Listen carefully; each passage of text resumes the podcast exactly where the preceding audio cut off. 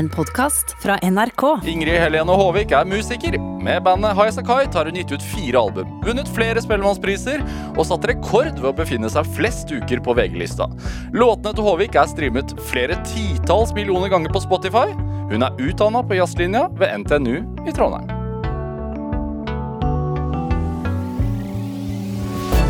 Dette er Drivkraft med Vegard Larsen i NRK P2. Ingrid Helene Håvik, Ja, velkommen hit til Drivkraft. tusen takk. Hyggelig å være her. Hvordan har du det? Jeg har det ganske bra. Jeg syns det går fint. Ja. Alt, hva skal man si? Alt er relativt når man har en unge på tre måneder, si. Du, vet du, eh, nå skal jeg si noe som kommer til å få folk til å føle seg litt ille, men eh, jeg har en skikkelig sånn perfekt baby. Han sover veldig godt om natta, og jeg spiser godt, og jeg sover veldig godt. Jeg er ganske uthvilt. Er det For det opplevde jeg også Skal, skal ikke dette være et program om babyer? Altså, det opplevde jeg også med, med min nummer to. ja. Er det fordi at man som foreldre er, blitt Jeg tror man er så sliten at man ikke våkner Ja, uansett. det, det, det er nettopp det. Ja. Så, så de griner, men man hører det ikke. Nei, jeg håper ikke det er det, da. Men er det Altså, jeg, jeg spurte deg før om jeg skulle kalle deg Ingrid Helene eller bare Ingrid. Mm. Ingrid. Ja, Hvorfor det? Fordi at um, Ingrid, da, Ingrid Helene, da får, jeg, da får jeg kjeft. Det er litt sånn um, Jeg vet ikke. Jeg har en sånn følelse av at det er litt sånn ovenfra og ned. Uh, Den autoritære? ja, det, det, at da blir jeg snakka til på en litt sånn Jeg vet ikke. Jeg, jeg har dårlige assosiasjoner til det. Lærere og liksom Og sånne ting. Så Ingrid er liksom Det er vennespråket. Ja. Ja jeg, skal, jeg skal prøve. Nei, du- ikke kall meg Ingrid Helene. um, men hvordan er det? Altså, snart al- albumaktuell. Mm. Er det tilfeldig et, album, med et album som heter Mother? Ja, det er det. Ja, men det er det. Det er det. Ja, fordi eh, det er jo eh, Det er jo en låt der som heter 'Mother'. Uh, og den ble skrevet, skrevet lenge før den uh, min siste unge ble påtenkt en gang. Oh, ja. Så ehm, Ja, så det, det handler liksom Det er ikke et album om uh, morsrollen min. Det er jo på en måte bare mer sånn Moderskipet, liksom eh, Den tingen der alt springer ut ifra, på en måte. Det er litt sånn f, Ja, hva man skal si Fem fatal, på en måte. ja. Ja. Så Er det skrevet i koronatid? Nei, mesteparten ble skrevet før korona, og så under nedstenginga så, så eh, fullførte jeg det, Ja. på en måte. Sånn at jeg hadde liksom alle ideene oppe og, og gå, stort sett. Men påvirker det? Eh, koronaen. Ja. Eh, det ble jo litt mer ro, da. Jeg syns jo at jeg fikk veldig mye tid til å jobbe, i hvert fall når barnehagen åpna igjen. Så var det veldig mye tid til å, å bare jobbe og være i studio. Og så, og så slapp vi den derre jobbe med nytt materiale i studio, og så gå ut og spille gammelt materiale. eh, på, På konserter? Ja, på konserter, ikke sant. Kan det være en Ja, det kan være litt sånn mm, Jeg syns i hvert fall at det kan være litt sånn energitappende, for man er liksom så utrolig gira på det nye materialet. Og så må man spille det så gamle, kjedelige driten, liksom. Det syns i hvert fall jeg kan være litt sånn forvirrende. Da kommer man litt ut av modus. Ja.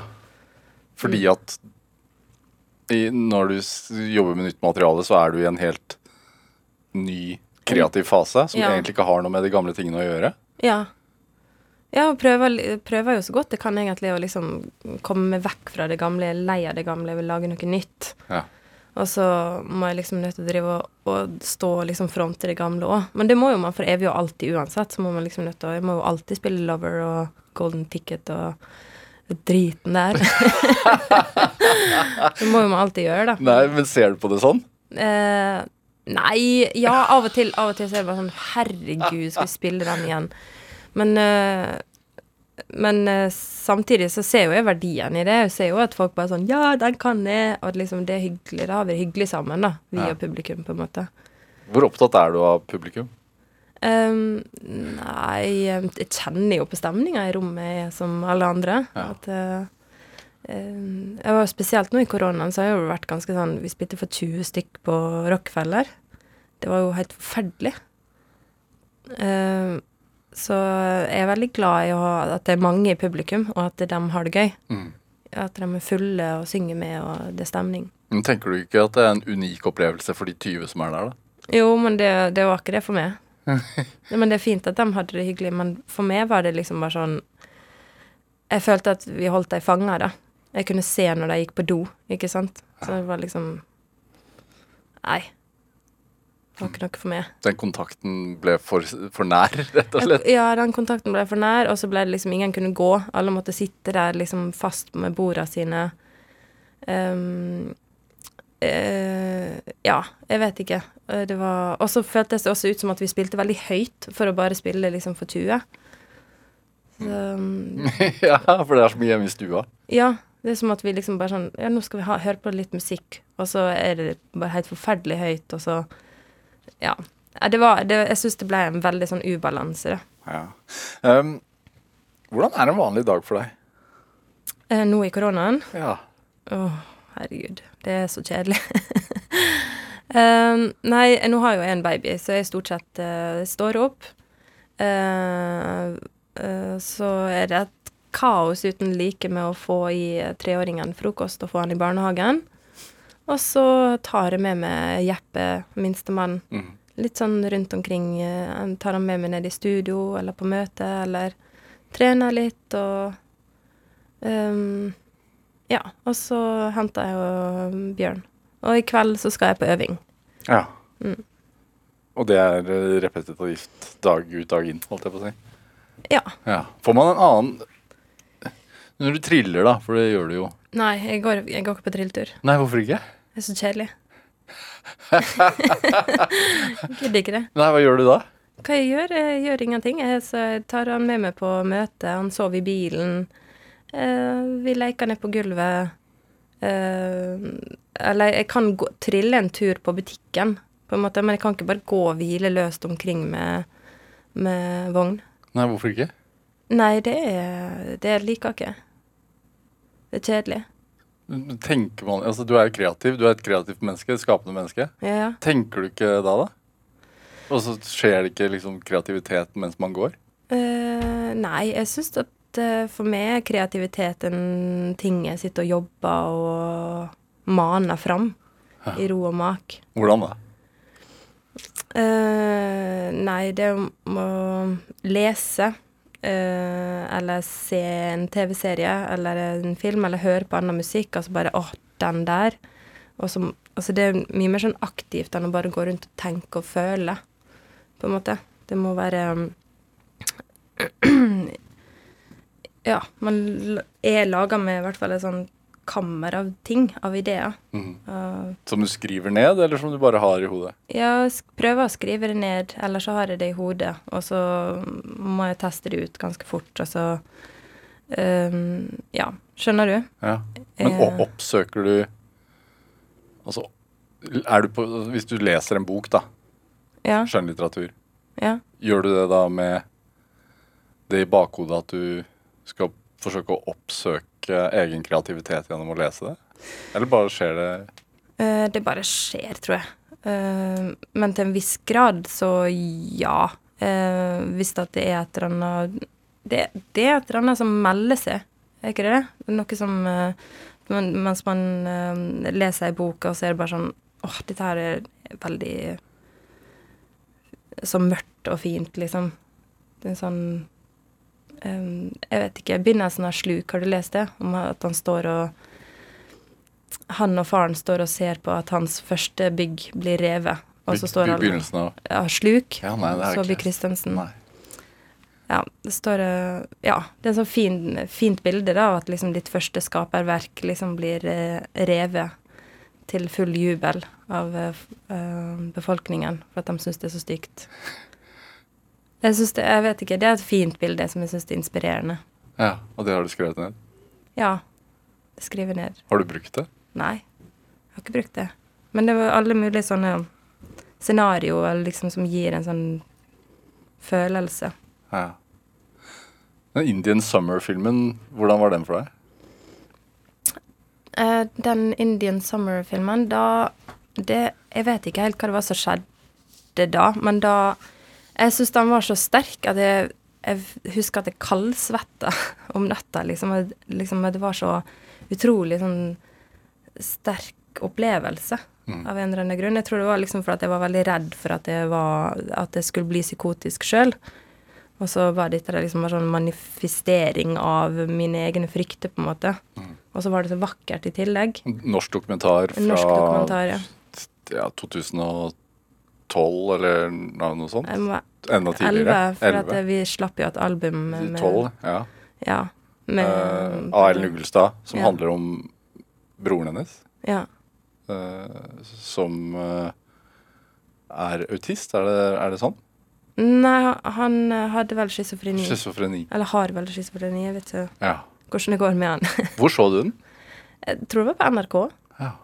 Husker du altså, og, og du fikk en fysisk reaksjon og tenkte sånn Dette blir jeg inspirert av. Ja, eller jeg vet ikke om jeg tenkte liksom ordet inspirasjon, men jeg tenkte i hvert fall um, eh, Jeg vet ikke. At jeg ville fange det på et eller annet vis. da. Fange den stemninga. Prøve å Jeg vet ikke. Det, det var så utrolig vanskelig å forklare det. Men jeg ville fange den stemninga. Jeg ville på en måte ha den stemninga ut i musikk, på en måte. Hvordan beskrive stemningen? Um, de er liksom sånn Det var sånn voldsom nostalgi. Sånn der eh, det, At det var liksom så rent vann. Så, så trist, og at ting er veldig forgjengelig. Og at det liksom Ja, liksom ensomt, da. Det å leve liksom i sitt eget hode i ensomhet, på en måte. Du opplever masse fantastiske ting inni ditt eget hode, men du du, det er jo bare du som lever det, da. Ja. Det var liksom den følelsen jeg satt igjen med. Jeg tenkte jeg spør deg om den, fordi at vi, vi kommer jo inn på det å bli inspirert av, av annen kunst, holdt jeg på å si. Og så tenkte jeg at vi skulle spille 'Everything Sank in You', som, som vel er et resultat av at du så den filmen. Mm. Ja, det er en sånn telefonsamtale fra der hun Mora Jeg tror jeg ringer til Ellen for å fortelle at nå er han skikkelig dårlig. Og så forteller hun um, uh, Ja, om hvordan tilstand han er i og sånn. Mm. Og da satt du der og skrev? Jeg? Ja. Jeg tror jeg skrev ned absolutt alt fra hele den filmen. Jeg. Og så er det liksom bare brukt liksom i sånne fragment rundt omkring overalt. Brukes fortsatt. Når du skriver? Ja, det tror jeg. At det fester seg liksom såpass mye. Skal vi høre låten? Ja, hvis du vil. Absolutt.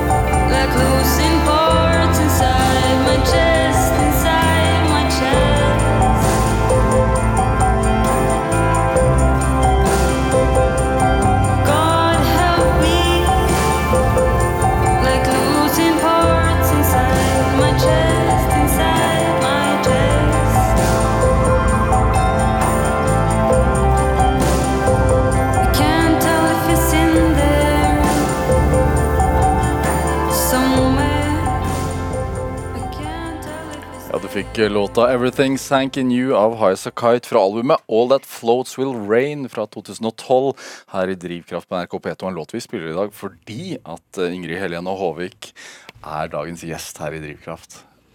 Tittei. Titt her. Hva Ja. tenker du når du hører den? Jeg tenker på um, da den ble laga. Liksom jeg får sånne glimt av um, eh, den tida Mm. da det ble laga, og, og liksom hva jeg så for meg det jeg, jeg skrev det. Eh, Hva, hva en artist skulle være, eller hvem hva, altså, Dette var jo på første albumet, ti år siden. Nei, jeg ser for meg liksom den derre eh, liksom I can't tell if he's in there somewhere. Eh, sånn den der følelsen av å um, eh, Å ikke kjenne igjen noen, da. På en måte, og ikke få kontakt og sånne ting. Mm. Så den At jeg tenkte på det. Uh, og at jeg og Trond satt uh, At jeg sto med harpa mi på øvingsrommet, og han sto liksom på sånn Og så instrumenterte dette her ut på trommene. Um, ja, og hva rom vi var på da. Ja. tror vi var på et sånt øvingsrom i Ålesund. Um, ja, så ja. Det er en fin eh, måte, som jeg sa til deg i stad, at jeg syns det er en veldig fin måte å huske livet sitt på. Hvem var du da, tenker du? Jeg var Jeg sang jo veldig annerledes, eh, hører jeg nå. Eh, og veldig sånn, hadde ikke noe sånn melodyne. Liksom det, det er ganske sånn surt av og til. Som jeg syns passer til den musikken. her, Den er så akustisk og sånn. Og veldig sånn sang ganske sånn slapt. skulle være ganske kul. På en måte, Eller sånn uanfekta på et sett og vis. Mm. Men likevel syns jeg at det høres litt sårt ut òg. Absolutt. Uh, så ja. Så jeg var vel uh, en uh, Jeg var kanskje liksom fortsatt veldig sånn uh, jazzprega. Liksom at ting skulle være veldig usminka, og ting skulle være veldig um, uemosjonelt. Ja. Hører du liksom at, Føler du at det var i starten på å finne en finne identitet som musiker, eller føler du at du allerede hadde det da? Jeg føler at jeg hadde det, da, men at den kanskje er annerledes da enn den er nå. Mm. Og at den er i bevegelse hele tida. Er det derfor også du sier at du ikke liker å gå på konsert og spille gamle låter? Ja, fordi at jeg liksom allerede er ikke den personen lenger. Det har forandra meg, og så skal jeg forandre meg på nytt. På en måte sånn at det liksom, Jeg opplever det som veldig liksom prosjektbasert. da. At, uh, på den plata her så var det liksom fett å synge på den måten her og um, um, Ja, gjøre det på den måten her. Da skulle Jeg ville at det skulle låte litt sånn low-fi, da. Mm.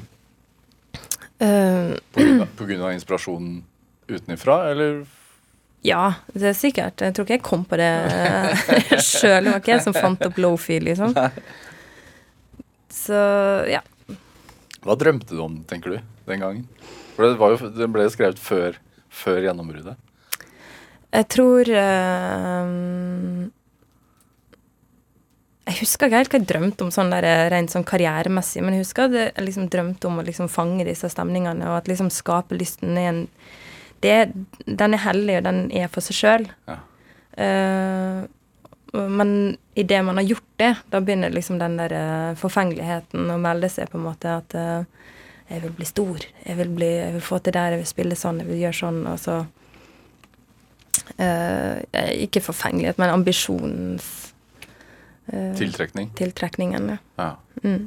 Hva, hva er det altså, Det med å skape er jo liksom lite håndfast når man er kunstner. Mm, og jeg syns det er veldig vanskelig å forklare det òg, hvordan, hvordan det er en ting for seg sjøl. Men det er jo bare sånn ønske om å faktisk eh, skape det rommet, og at det rommet må finnes. Og det, den lyden av det her må finnes. Og så den må lages. Og så um, Og så når det er, på en måte er ferdig, og når det er gjort, så kommer et, liksom ønske om å livnære seg på å ha gjort akkurat det. da. Mm. Cool. Eh, men uh, jeg tenker at hvis at jeg hadde vært uh, søkkrik, så er ikke det sikkert at jeg hadde sluppet den musikken. Men det kan godt hende at jeg hadde skrevet den likevel. Og så tror du det? Ja. Bare for deg selv? For meg sjøl, ja. Men jeg tror kanskje den forfengeligheten ville meldt seg likevel. At jeg hadde litt lyst på skryt likevel. Jeg slipper det. Ja, hvordan, hva, hvilke forhold har du til det? Til ros? Jeg jeg er kjempeglad i ros. Jeg syns kanskje det er litt sånn flaut eh, å få det i plenum. Det tror jeg de fleste syns. Eh, men eh, Noen elsker å bli, få applaus i plenum. ja, gjør man det? Det er jo så flaut. Liksom å få sånn eh, Ja, det er jo hyggelig, da. Men, eh, men, men flaut. Men er det fordi at du er hard mot deg selv? Nei det, nei, det er ikke noe sånn at jeg ikke tror på det, eller noe sånt.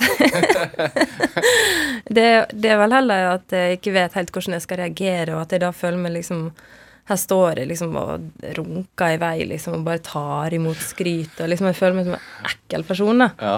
Altså, sånn Ja, det er en viss beskjedenhet med at man skal ikke nyte det for mye. Hvis du skjønner? Hvordan er en Hvis du vil beskrive en sånn Beskrive kreativitet er vanskelig, men å beskrive en låtskrivingsprosess, da? Um,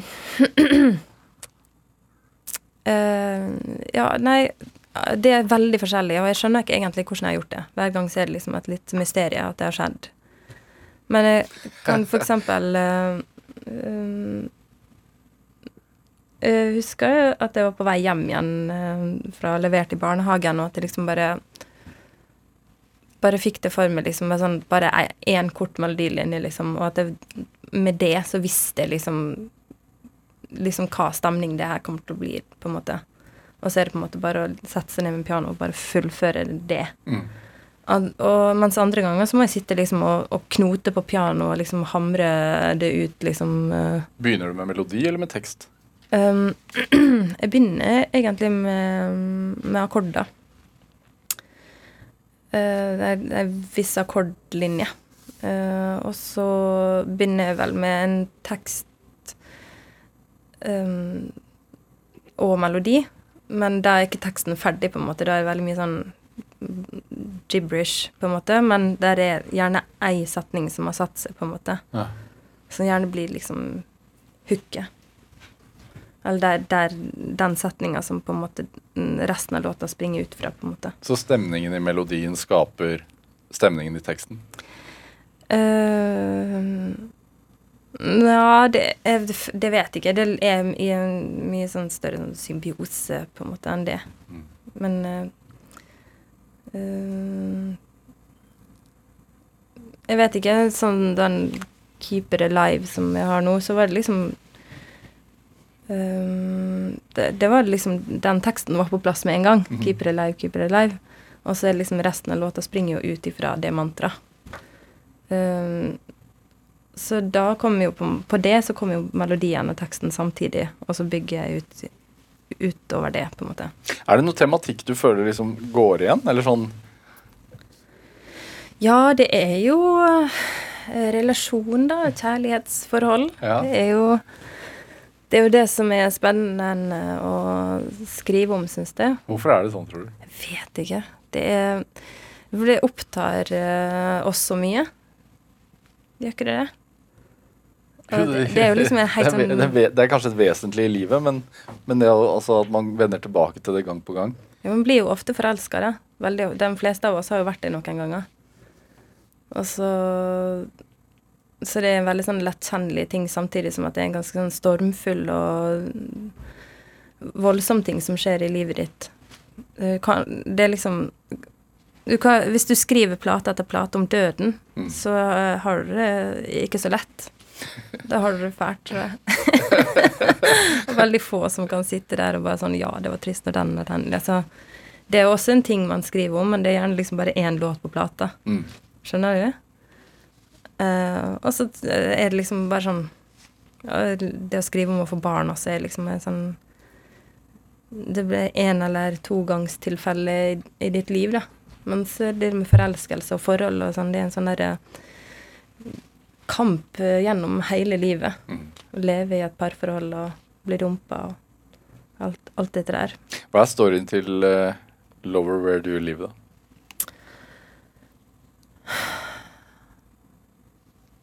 Nei, det vet jeg ikke. Nei, Jeg vil, jeg vil, jeg vil faktisk ikke si det. Det, det, det, er jo, det er jo kjærlighetssorg, da. Mm. Og um, um, Ja. Det, det er bare kjærlighetssorg. Jeg vet at veldig mange som har liksom tenkt at dette var en sånn singellåt. Eller altså for, for single folk som lurer på liksom, hvor er du der ute. på en måte. Men det var, ikke, det var ikke det jeg tenkte når jeg skrev den. Men det er jo helt greit at andre opplever det sånn. Men du vil ikke si hva du tenkte? Jeg sa jeg hadde kjærlighetssorg. Det får holde. Hva tenker du, Hvordan er det da å fremføre den? Er det derfor også du har et sånt ambivalent forhold til å fremføre den på konsert? Jeg har ikke så veldig sånn ambivalent forhold til å fremføre den på konsert. Den, eh, den har på en måte stått seg ganske sånn bra i meg. Mm. Uh, jeg syns det er verre med sånn der golden ticket og sånne ting. For den, den er på en måte spilt så mange ganger at jeg har glemt hva som var opprinnelsen for den. Og så, og så var kanskje ikke den Den brant ikke så hardt inni meg idet jeg skrev det, på en måte, som Lover. det på en måte, for da husker jeg liksom at det, idet jeg skrev det, liksom, så var det var en opprivende opplevelse, da. Uh, så den, eh, den uh, syns jeg er veldig OK å, å synge. Og så vet jeg også at liksom, at der står det noen single folk som bare sånn Ja, hvor er han?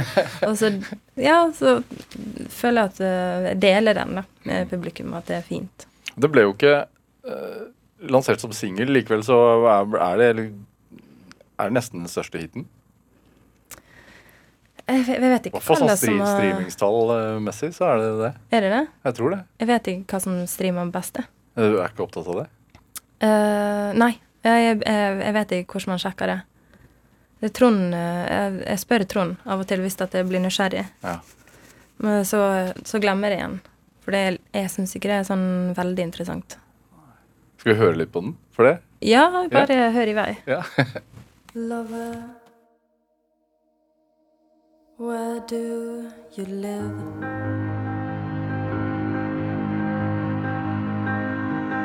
In the sky,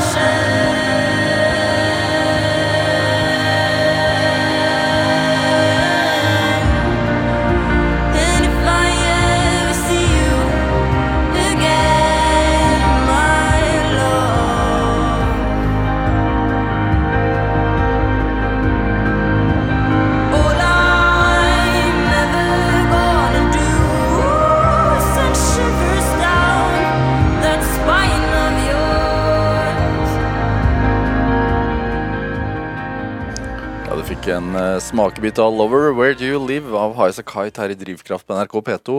En låt vi spiller i dag fordi at Ingrid Helene Håvik er eh, dagens gjest her i Drivkraft. Mens vi hører på, så sier du 'jeg synger fremdeles litt slapt'. Ja. det er fortsatt litt sånn, eh, sånn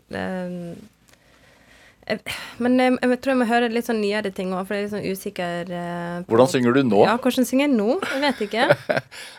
Det, men det er fortsatt litt sånn den der eh, Litt sånn slapp diksjon og slapp eh, På en måte Litt sånn Jeg tror jeg prøvde å være veldig sår og åpen, på en måte. Men så, så kan det jo også oppleves som litt sånn nonsjalant, Mm. tror jeg. Har du, hvordan har du jobbet med uh, måten du synger på? Um, jeg tror jeg la et eller annet sånn grunnlag uh, på videregående og, og på, på, på folkehøyskole og på jazzlinja, der jeg på en måte kunne velge litt sjøl hvordan jeg hadde lyst til å synge. Mm. Sånn at det styres litt av smaken.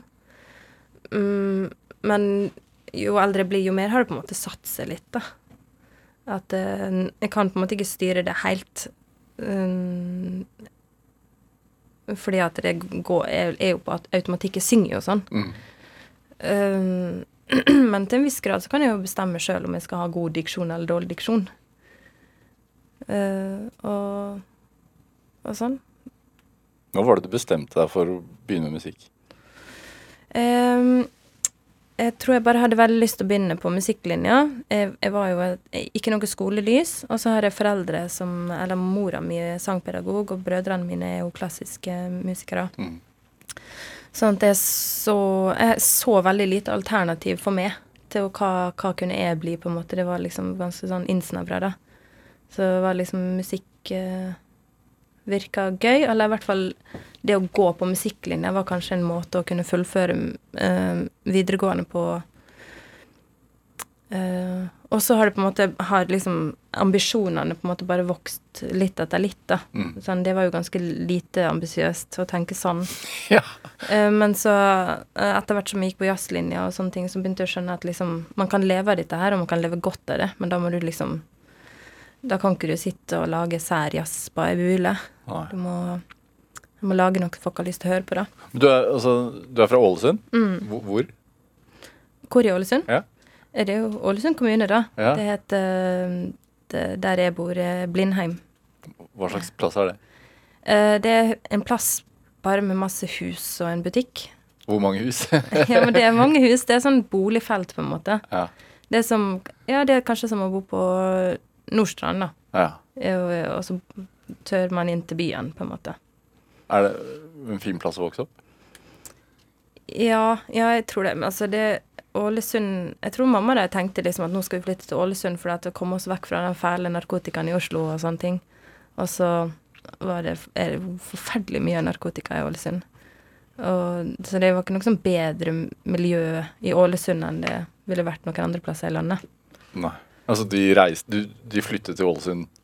Ja, for at de tenkte Tenkte. vel at det var be at man ikke skulle liksom oppdra barn i Oslo, da. Nei.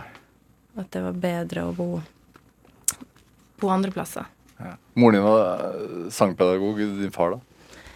Jeg vet ikke hva han driver med. Det er nok sånn telefongreie. Nei, han, han laga eh, analoge eh, sentralbord.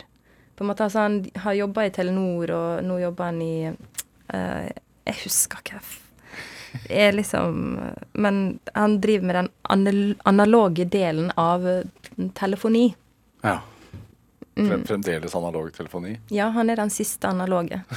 Så han prøver å pensjonere seg, og så blir han oppringt hele tida for at de trenger den siste analoge mannen. Men det at eh, altså brødrene dine på, med klassisk musikk også, og, og du begynte å studere på jazzlinja, altså hvor, hva er det hjemme som Altså Hvorfor var det så mye musikk? Var det rett og slett fordi at moren din var sangpedagog, eller Um, er man født musikalsk? Det vet jeg ikke. Um, jeg, jeg vet ikke. Jeg husker at det var veldig mye musikk. eh, At det, når jeg var liten, så hørte jeg og venninnene mine Vi hørte mye på Absolute Music sammen. Og så hjemme hos meg så var det mye Mariah Carey og, og Céline Dion og Trine Rein og Pop generelt, liksom? ja, pop uh, syngedame, på en Mm. måte. Uh, så Og ja. Men jeg tror ikke det var noe mer musikk hjemme hos oss enn det var hos andre. Men, men jeg fikk jo på en måte en sånn oppmuntring fra mamma om at hun syntes at jeg var veldig flink. Så jeg hadde liksom alltid en sånn følelse av at dette her var noe jeg kunne mestre. Dette var noe jeg på en måte var født til å kunne klare. Mm. At det lå i blodet. Det er ikke sikkert jeg gjorde det, men at jeg på en måte fikk forvalta det eh, gjennom følelsen av mestring og, og gjøre det mye, da. Var, altså, du sa at du var ikke noe særlig skoleflink. Nei. Hvordan var det? Nei, det var jo ikke noe gøy. Det var jo ikke, det var ikke noe smart. Det, ikke, det, er jo ikke, det er jo ikke gøy, det. Eh, jeg syns det var Og sånn er jeg enda, liksom, at jeg syns det er vanskelig å gjennomføre ting som ikke syns er interessant, eller um, som gir meg noe. var det av konsentrasjon, eller at det ikke var interessant i det hele tatt? Eller hva? Det er konsentrasjon eh, av at jeg ikke syns det var interessant. Så, men du mener det du sa, at hvis ikke du hadde begynt på musikklinja, så er det ikke sikkert du hadde fullført videregående i det hele tatt? Nei, jeg kan ikke helt se for meg at jeg hadde klart det, nei. At, men da hadde jeg en eller annen sånn motivator, ikke sant. At, eh, at jeg hadde lyst til å gjøre det bra i musikkfagene, og så kunne jeg på en måte nøye meg med en toer så lenge jeg besto, da. Mm. I alle de andre fagene. Og det var en veldig sånn bra måte å fungere på for meg, da. Hva tenkte du om livet, da? Jeg tror jeg, det tok det liksom uh, bit for bit, da. Nå skal jeg bare gjennomføre videregående, liksom. Og så, etter hvert som jeg på en måte så at dette her kan jeg klare, så begynte jeg å tenke videre Mm. hva folkehøyskole jeg skulle gå, av, og om jeg kanskje skulle søke meg inn på jazzlinja og, og sånne ting. Hm. Ja. Var det tungt? Altså, var det en tung ungdomstid? Uh, ja, ja, skole og egentlig det å studere også, det er ikke noe for meg. Jeg passer best til eh, arbeidslivet som min eh, egen arbeidsgiver. Mhm. Jeg syns ikke mm, Jeg vet ikke helt hvorfor det, hvorfor det er sånn, men jeg bare trivdes ikke med å verken gå på skole eller med det å være student. Få beskjed om hva man skal gjøre? Um, ja, få beskjed om det jeg skal gjøre, og så også på jazzlinja så, så var det liksom Det var jo en del sånn lekser i ting jeg skulle gjøre, men som jeg ikke fant så veldig interessant eller nødvendig for å oppnå det resultatet jeg hadde lyst til å oppnå.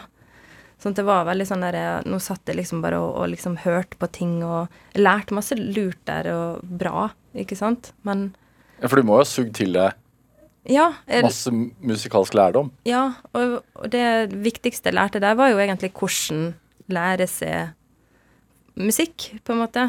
Uh, og når jeg har fått inn på en måte den teknikken, da, liksom uh, lytte på bassen, lytte på sånn, altså hvordan kunne plukke sånn, og uh, lære seg låter, og hva er det som gjør at det låter sånn som det låter, så kunne jeg på en måte gjøre det med den musikken jeg ville gjøre det med. Ja. Og så kunne jeg på en måte bare fortsette å studere det på egen hånd, da.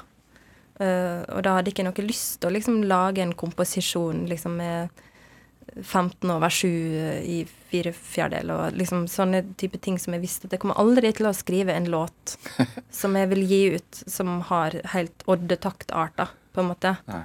Men jeg kunne lære det til en viss grad, sånn at jeg på en måte hadde den friheten. Den rytmiske friheten. Men jeg trenger ikke, jeg trenger ikke å være best på det. Det skjønte jeg. Nei. Hæ. Men re- rebelsk side, eller?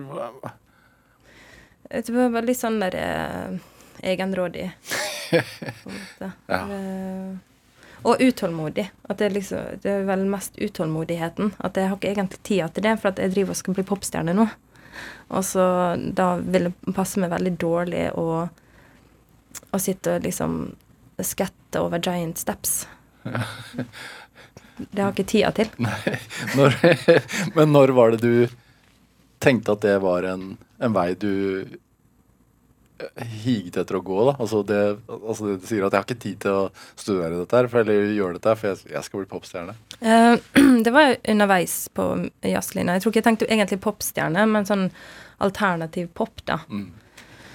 Uh, og så etter mer så krystalliserte det mer, mer og mer som, som pop. Uh, og hva, hva, hva veier man kan gå da. At man faktisk kan lage ting som kan spilles på radio, og man kan spille på festivaler, og man kan gjøre sånne type ting, da. Hvor kom selvtilliten fra? Um, det, det lurer jeg også på. For jeg hadde ingen grunn til å ha det i det hele tatt. Jeg tvinga liksom folk Nå skal vi spille konsert, og de bare Ja, men vi har ikke låter. Og jeg bare Jo da, men vi får tak i låter. Liksom jeg tvang liksom gjennom en sånn derre Hvor var det? I Trondheim? I? Trondheim, ja. Ja. At folk hadde ikke lyst til å spille disse konsertene med meg. Og men jeg skulle ut og spille, og um, ja Hvor spilte, ganske- hvor spilte du da? Spilte på en sånn liten pub som jeg tror heter Pias. Tror, og det var jo bare venner som kom, da. Og jeg, jeg, jeg var ikke klar for det. Jeg var jo så nervøs at jeg klarte nesten ikke å stå på beina. Men jeg, s- skulle jeg gjøre. ja. Hvorfor det, tror du? Um, det, det, det lurer jeg også på. Men jeg, jeg, jeg er sånn enda at um, uh, presser gjennom ganske mange sånne avgjørelser og ting vi skal få til uh, uten at det at jeg har noe belegg for å si at det kommer til å gå, da. Mm. Men uh, Hvor lett er det å jobbe med, tror du? Uh, Jeg vet ikke. Men et Sier du og smiler, eller sånn? Jeg vet ikke hva Men de har, de har lyst til å jobbe med meg, de som jobber med meg. De, de trives. De kommer på jobb, og eh, vi koser oss. På en måte. Og det er ikke som at jeg ikke er tilbøyelig for å høre at liksom, dette her er en helt jævlig ræva idé. Hvis det ikke går, så går ikke det. Det forstår jo jeg.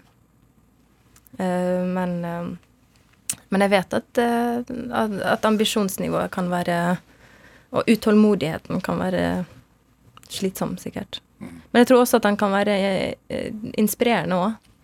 For, eh, for de jeg jobber med. Jeg håper det. Men er det, går det an å beskrive ambisjonen? Også sånn, er det virke, også sånn innvendig? Er, er det som et press? Ja. ja, det tror jeg. Som et press. Og ja, liksom Det er vel eh, Jeg vil Jeg, Jeg bare føler at jeg er ikke er ferdig. Jeg må, jeg må gjøre mer, og så må jeg få til det, og dette virker gøy, og sånn må vi få til, og sånn skal vi gjøre det. Og det er en sånn følelse av at jeg vil bygge et imperie. Jeg vil at det, dette her skal bli ordentlig, ordentlig stort, ordentlig, ordentlig bra. Og ikke bare Ja, og at jeg har lyst til å kunne anse meg sjøl som en arbeidsgiver på lik linje med andre bransjer. Mm. På en måte, at det, at det er viktig for meg at, eh, at man tilbyr den samme tryggheten, da, f.eks. For, for dem som er ansatt. Hvordan da? Eh, I form av pensjonssperring pensjonssparing, og, og at de er ansatte og får månedlig lønn istedenfor at de bare får per gig, på en måte. Mm. Uh, at de har muligheten til å ta pappaperm. uh, uh, og sånne, sånne ting. Liksom at det, skal være en arbeidsplass. Mm. Og Ja, og at det, det at når vi tjener masse penger, så er ikke det bare vi som skal gå opp i lønn, men at da kan man også øke det for det ansatte, på en måte. For at de er jo med og bygger det opp, ikke sant. Ja. Er det Altså, det er ikke noe hemmelighet at det var en konflikt rundt bandet. Mm. Det, hva lærte du av det? Eh, Da lærte jo jeg det her, da. Ja. Det som jeg snakka om nå. At uh, vi, vi satte opp et firma som var veldig, veldig tåpelig. Uh, satte opp et DA, delt ansvar, og så delte vi det 20% på alle. S- og det er veldig sånn delt ansvar. Da er det på en måte ingen som på en måte egentlig står ansvarlig for noen ting, da. Og Men samtidig så var det det. Fordi at eh, det, det var jo jeg som hadde fått dem inn i det her. Mm. Så jeg sto jo ansvarlig for dem. Uh, så uh, Men vi gjorde også en sånn derre at man hadde månedlig utbetaling, man hadde liksom lønn og sånn, da. Men uh, at det er ikke å anbefale. Med hele den med betale lønn og pensjonsutbetaling og sånn. Ja. Nei, det, det tror ikke jeg går med det, nei. Nei, men hvor Det føles så tørt i forhold til å drive noe kreativt. Altså, det må være sånn At man har det i bakhodet. Er det ødeleggende? Nei, jeg syns ikke det. Nei. Jeg syns at det er Jeg syns det er givende. Veldig givende. For at det er ikke tørt. Det handler om trygghet i livet. Mm. Det handler om uh, å kunne drive med dette her uten å føle at man risikerer for mye.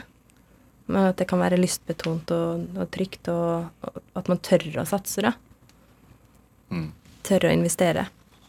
Det er viktig for deg også. Mm. Vi skal høre eh, litt av en helt ny låt. Eh, Autopsy. Ja. Den er helt ny. Nå får vi høre hvordan jeg synger nå. Ja, det er det. Det er det vi har etterlyst hele dag. Den, den er 9 minutter og 50 sekunder lang. Vi skal ikke høre hele. Nei, jeg synger ikke på slutten der uansett. Men det er, men det er litt sånn eh, Det er en ny vei, er det ikke det? Eller hva, hva, hva skal man si? Altså, det, er, det er ikke en radiolåt. Ja, det er veldig stor forskjell fra den og 'Everything Sank In You' Mm. og 'That Floats Me Rain'. Det er kjempe Det er kjempehopp. Men det har gått ti år òg. Mm. Mm. Hva, hva, hvordan hører man det, da? Nei, den ene er en akustisk uh, indie-poplåt, og den andre er en sånn dungeon techno-låt. ja. Så det, det er ganske stor forskjell. Ja. Sånn hører man det. Sånn hører man det. Ja. det. Det er et produkt av familielivet og to barn. Drømmen om rave. ja.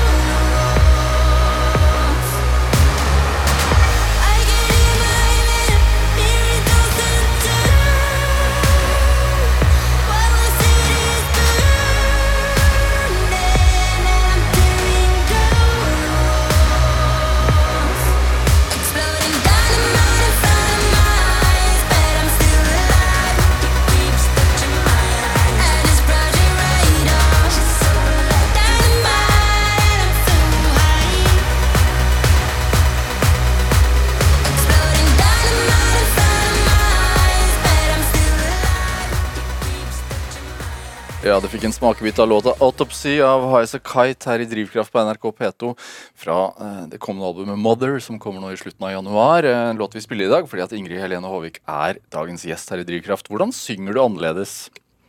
Her er jo diksjonen tydelig bedre. Ehm, det er jo mye mer sånn tydelig og stram uh, greie, da. Men det er jo en helt annen sjanger, ikke sant. Det hadde jo vært veldig Det hadde ikke vært noe fint om jeg liksom sang sårt og Det er jo helt annen mood. Høres så bra jeg har det, sa, sa du. Ja, nei, men det Ja, altså, jeg høres liksom litt sånn psykisk sterkere ut, da, når jeg hører dette her, og så tenker jeg at eh, oppe i 2012 der, på skjermen som vi ser, det er en tydelig depresjon. men eh, eh, eh, Men jeg tror det er nok litt sånn sjangeravhengig òg, på en måte, det å liksom ha ja, gått inn i et nytt uttrykk, på en måte. Mm. Så krever en litt annen måte å synge på. Hvor viktig er det for deg? Også det å bore i nye uttrykk? Um, det må ikke nødt til å være nye uttrykk på død og liv, men det, det er jo litt sånn der følelsen av å ha gjort noe før, og så, Mm. og så skulle gjøre det igjen. Er ikke, så, det er jo ikke noe gøy. Nei. Men tenker du gjennom det også, nå kommer det et nytt album. Tenker du også at det, det skal få et nytt image? Nei, Jeg skal fronte den på en ny måte. Nei det, men det, det er liksom musikken som jeg hørte på liksom mens jeg skrev det her, da, som var inspirerende. At 'å, dette her var jævlig fett', og 'dette her vil jeg også lage'. Mm. og så lager man uh, Lager jeg eh, ting litt mer i den retninga. For det er interessant. Um, eller det er det som treffer meg, og da er det jo helt naturlig at det er det jeg skriver. Mm. Mm. Du, du sier at, det liksom, at du hører at du er en annen stemning. Er du sterkere nå, føler du? Uh, ja, jeg vil nå absolutt si jeg er jo voksen da med tobarnsmor. Det er jo klart jeg er sterkere og blitt uh, filt ned ganske greit med året. Um, Hvordan da? I, I begynnelsen av 20-åra var den litt sånn Er ikke alle litt sånn derre frynsete, da? Kanskje i hvert fall usikker på kanskje hvem man er og hvor man skal. Ja. Eh, det tror jeg nok. Jeg har, jo, jeg har jo hatt ti år eh, på å prøve meg på livet. Du, Man blir jo litt sånn hardere i kantene. Da lager man også dansemusikk, holdt jeg på å si. Ja, da lager man dansemusikk. Ja, men eh, jeg syns det var gøy å lage autopsy. Jeg hadde lyst til å lage liksom ravemusikk. Mm. Jeg syns jo det er, er så gøy å være på rave. Jeg har vært det én gang. uh, men uh, ja. Jeg syns det er kult å lage musikk som jeg sjøl ville hørt på, da. Ja. Hva tenker du er drivkraften din da, oppi det hele? Um, det, det er til syvende og sist, sist bare den der skaperlysten og ønsket om å lage um, Det er jo det, sånn jeg husker livet mitt, på en måte. Det er sånn jeg Det er mitt ettermæle. Og så er det liksom ønsket om å lage noe som står for seg sjøl òg. Ja. Mm. Hva hadde du vært uten, tror du? Mm. Um, jeg hadde sikkert hatt litt sånn uh, uh, En følelse av uh, verdiløshet, tror jeg. Hvis det ikke var noe noe jeg følte jeg var god på, eller noe jeg følte at drev meg framover. Mm. Så tror jeg nok jeg har følt meg litt verdiløs. Bra du gjør det du gjør, da. Ja. Men nå sier ikke jeg at dere som ikke driver med musikk, er verdiløse. Jeg må bare si det. Nei, men det handler vel om å finne sin, Ja, min, sin, min greie. sin greie. Ingrid Helene Håvik, tusen Ja. takk for at du kom til Drivkraft. Takk for at jeg fikk komme. Hør eh, flere samtaler i Drivkraft på nrk.no eller i appen NRK Radio. Send oss gjerne ris og ros og tips til mennesker som du mener har drivkraft. Send den e-posten til drivkraft.krøllalfa.nrk.no. Vi hører gjerne fra deg. Produsent og researcher i dag var Ellen Foss Sørensen. Jeg heter Vegard Larsen. Dette var Drivkraft. Du har hørt en podkast fra NRK. Hør flere podkaster og din NRK-kanal i appen NRK Radio.